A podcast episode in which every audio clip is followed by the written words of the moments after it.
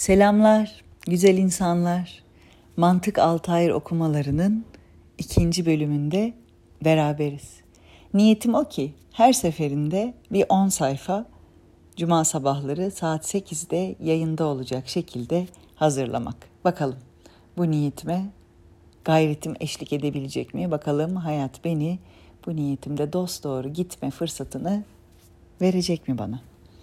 Başlıyorum ikinci makaleye. Simurg'un şaşılacak ilk işi şudur. Bir gece yarısı Çin ülkesinde göründü. O ülkeye kanadından bir tüy düştü. Bütün şehirler birbirine değdi. Herkes o bir tüyden başka bir çeşit bir nakış, bir resim elde etti. O nakışlardan birini gören bir çeşit iş tuttu, bir çeşit işe girişti. O tüy şimdi Çin Nigeristan'ındadır. Bunun için bilgiyi Çin'de bile olsa arayın elde edin denmiştir. Kanadının tüyündeki nakış görünmeseydi alemde bu kavga, bu gürültü olmazdı. Bütün bu eserler onun parlaklığından meydana geldi. Bütün bu ışıklar kanadının bir tek tüyündeki nakıştan zuhur etti. Vasfının ne başı bellidir ne dibi. Artık bundan fazla söz söylemek doğru değil. Şimdi sizden kim yol eriyse hadi yola girin, yola ayak basın. Ve buradan itibaren kuşlar her biri kendi meşrebine göre özürlerini dile getirmeye başlıyorlar ve her özüre hütüt bir karşılık veriyor. Kuşların özürleri. Orada padişahın yüceliğinden bütün kuşların kararı elden gitti. Özleyişi canlarına tesir etti. Her biri bir hayli sabırsızlandı. Yola girdiler, Hütüt'ün huzuruna geldiler. Ona aşık oldular, kendilerine düşman kesildiler. Fakat yol pek uzundu, menzil pek uzaktı. Herkes gitgide yoruldu, hastalandı. Hepsi de gitmek istiyordu ama gene de her biri bir başka türlü özür getirmeye başladı. İlk özür bülbülün özrü. Deli bülbül sarhoş sarhoş geldi. Öyle aşıktı ki adeta kendinden geçmişti. Ne vardı ne yoktu. Her namesinde bir anlam vardı. Her anlamda bir sır alemi gizliydi. Mana sırlarına dair naralar attı. Kuşlara diliyle öğüt vermeye koyuldu. Dedi ki, aşk sırları bende tamamlanmıştır. Her gece aşk sırlarını tekrarlar dururum. Fakat Davut gibi başına işler gelmiş birisi yok ki ona ağlaya ağlaya aşk zeburunu okuyayım. Neydeki feryat benim sözlerimdendir. Çenk'deki name benim feryadımdandır. Gül bahçeleri benim coşkun namelerimle coşar. Aşıkların gönülleri benim feryatlarımla dolup taşar. Her an başka bir sır söylerim. Her dem başka bir tarzda zikrederim. Coşkunluğumu gören elden avuçtan çıkar. Pek akıllı bile olsa sarhoş bir hale gelir. Uzun bir yıldır hiçbir mahrem görmedim. Bana eş olacak hiç kimse bulamadım. Onun için sırrımı söylemiyorum. Fakat sevgilim ilkbaharda aleme güzelim mis kokularını saçınca gönlüm onunla hoş olur. Yüzüne bakınca her müşkülümü hallederim. Ama sevgilim yine gizlenince aşık bülbül az söyler bir hale gelir. Çünkü herkes sırrımı anlayamaz ki. Bülbülün sırrını şüphe yok ki yalnız gül bilir. Ben gülün aşkına öyle daldım ki kendimi bile tamamıyla kaybettim. Varlığımdan haberim yok. Bende gülün sevdası var. Bu sevda bana kafi. Çünkü istediğim ancak güzelim güldür. Bir bülbülün simurga takati olmaz ki. Bülbüle bir gül sevdası yeter. Sevgilim Sadberk olunca nasıl olur da benim işim hiçbir şeye aldırış etmemek olur. Şimdi gül, gönüller çeken bir dilber gibi açılıp da bütün alem içinde güzel güzel yalnız benim yüzüme bakıp gülerse gül perde ardından çıkıp yüzüme bakarak gülümsemeye başlarsa bülbül bir gececik bile öyle bir dudağı tatlı dilberin sevdasından nasıl vazgeçer? Buna nasıl tahammül eder? Hütüt cevap verir bülbüle. Der ki, Ey surete kapılıp kalmış olan, bundan ileri gitme. Artık bir güzel aşkıyla öyle nazlanıp durma. Gülün aşkı seni nice dikenlere uğrattı. Neler etti, neler. Nihayette seni işinden gücünden alıkoydu. Kamiller geçici bir şeye sevdalanmaktan usanır bıkarlar. Gülün gülümsemesi sana tesir etti. Ama gece gündüz de seni feryatlara düşürdü, ağlatıp inletti. Ve bir hikaye girer burada. Bir padişahın ay gibi güzel bir kızı vardı. Bütün alem ona aşıktı. Herkes onun aşkıyla kendini kaybetmişti. Fitne daima uyanıktı çünkü onun yarı uykulu gözleri sarhoştu. Yanığı kafur gibi bembeyazdı. Saçları misk gibi simsiyah. Abı hayatın dudağı onun dudaklarına susamış, kupkuru bir hale gelmişti. Güzelliğinin bir zerresi görünse akıl bile akılsızlıktan rüsva olur giderdi. Şeker dudağının lezzetini bilseydi utanır erir kendisinden geçerdi. Rastgele oradan bir yoksul derviş geçiyordu. Birdenbire gözü o aydın ay parçasına ilişti. Elinde bir ekmek parçası vardı. Ekmekçi acımış, o yoksul zavallıya vermişti. Ay, o ay yüzlü Dilber'in yüzünü görünce elindeki bir dilim ekmek düşüverdi. Kız yoksula bakıp güldü, ateş gibi, yürüdü geçip gitti. Kızın gülüşünü de görünce yoksulun gözlerinden kan ırmakları boşandı. Elinde yarım bir ekmek, bedeninde yarım bir can vardı. Bir anda bu iki yarımdan da temizleniverdi. Ne gece kararı vardı ne gündüz. Ağlayıştan, yanıştan söz söylemeye mecali kalmadı. O padişahın gülümsemesini andıkça, hatırladıkça bulut gibi gözyaşları dökülüyordu. Hülasa, yedi yıl bu aşkı çekti. Kızın mahallesindeki köpeklerle düşüp kalktı. Kızın hizmetçileri tamamıyla bunu duydular ve o sitemkarların hepsi de yoksulun başını mum gibi kesmeye karar verdiler. Kız gizlice yoksulu çağırıp senin gibi birisinin bana eş olmasına imkan yok dedi. Sana kast ediyorlar, öldürecekler. Kapımda durma, yürü git dedi. Yoksul dedi ki, ben seni görüp sarhoş olduğum günden beri canımdan el çektim. Benim gibi yüz binlerce kararsız aşıkın canı senin cemaline her an feda olsun. Madem ki beni suçsuz olarak öldürecekler, bir sorun var. Lütfet, cevap ver.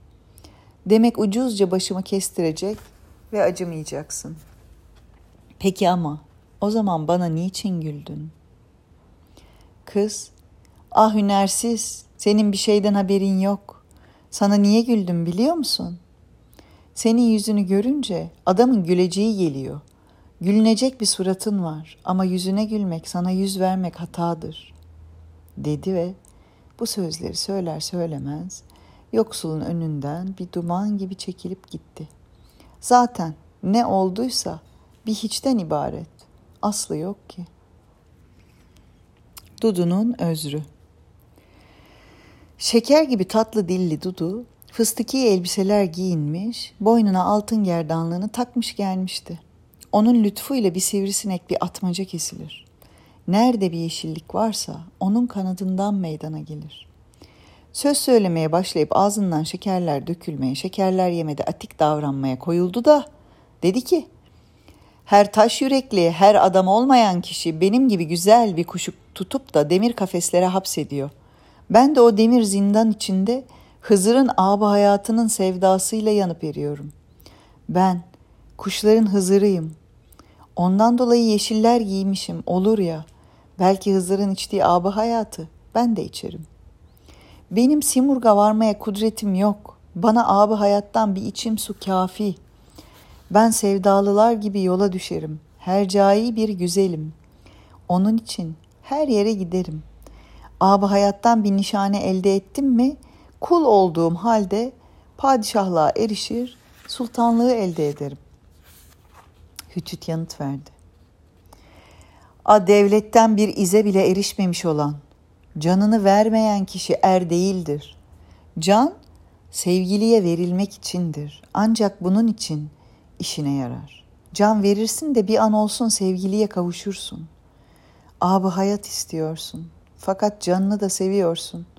Yürü be, senin için yok. Bir deriden ibaretsin sen. Canı ne yapacaksın? Ver sevgiliye. Sevgilinin yolunda erler gibi can feda et. Hikaye Makamı yüce bir meczup vardı. Hızır ona dedi ki, Ey işini tamamlamış er, ne dersin? Benimle dost olmak ister misin? Meczup dedi ki, benim işim seninle başa çıkmaz. Sen kaç kere kıyamete kadar yaşamak için abı hayat içtin. Halbuki ben canımı feda etmek azmindeyim. Çünkü sevgili olmadıkça canla işim yok benim. Sen canını koruma sevdasındasın. Halbuki ben her gün can feda eder dururum. İyisi mi? Tuzaktan kaçan, dağılan kuşlar gibi birbirimizden uzak olalım ve selam. Ve sıra tavus kuşunun özrüne geldi. Ondan sonra sırmalarla bezenmiş tavus meydana çıktı. Kanadının her tüyünde yüzlerce değil binlerce nakış vardı.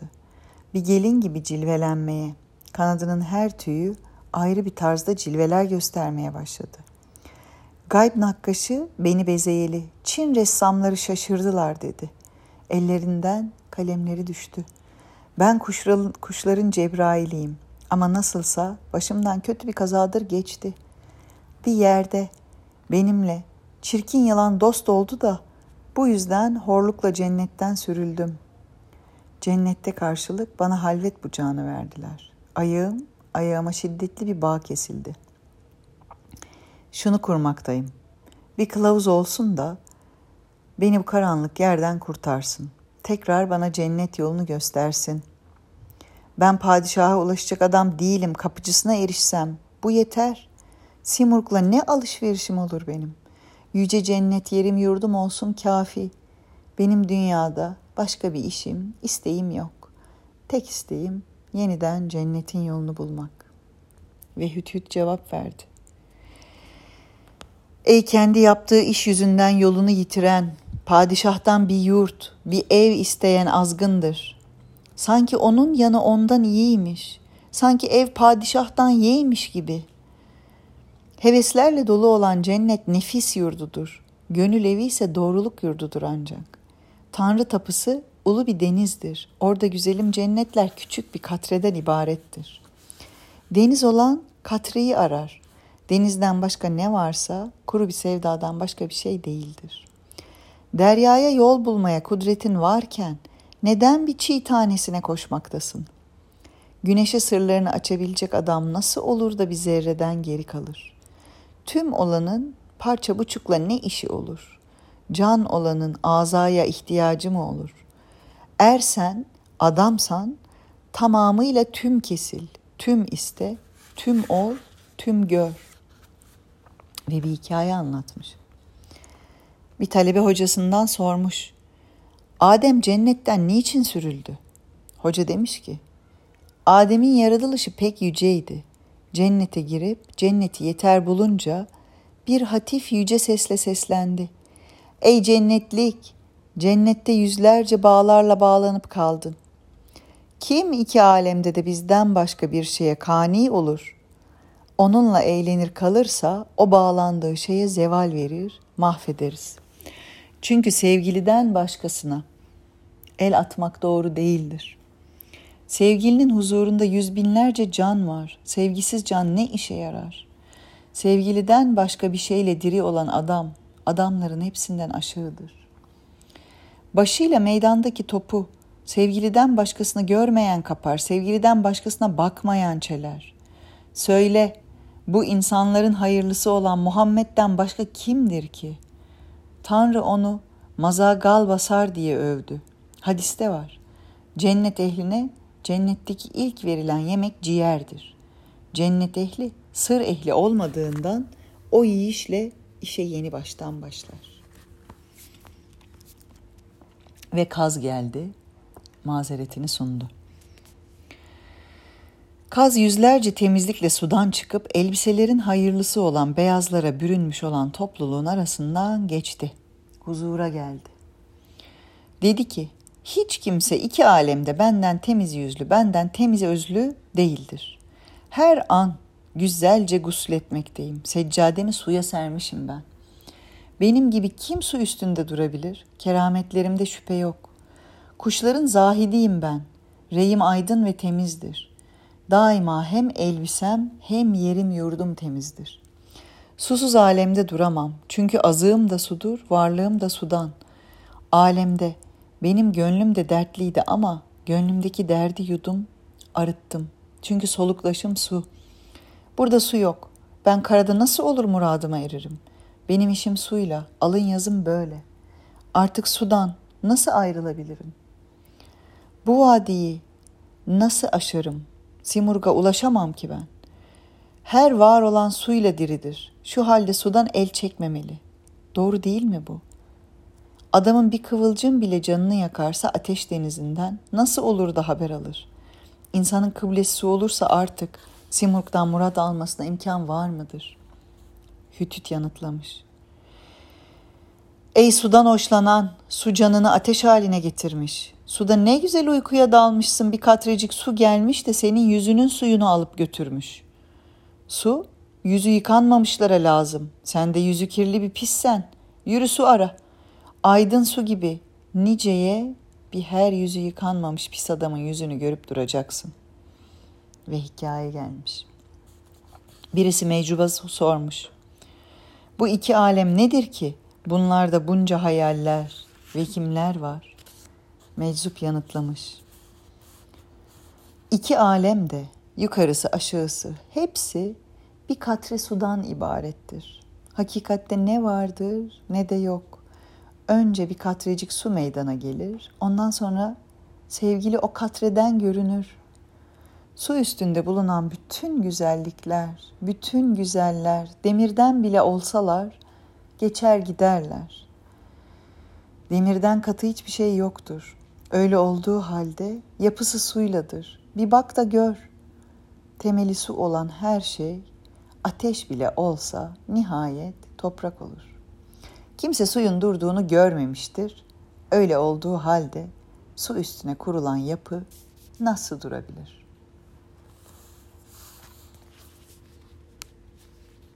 İşte bu kadar. 60. sayfaya kadar okudum. Bundan sonra kuşlar özürlerini dile getirmeye, Hütüt de hepsine bir cevap ve bir hikayeyle onları ikna etmeye çalışmaya devam edecek. Dinlediğiniz için teşekkürler. Bu kitabı yüksek sesle dinleyicilere okumak benim için büyük bir keyif ve onur ve eminim ki bu macera, bu yolculuk zenginleştirecek bizi, büyütecek, ferahlatacak.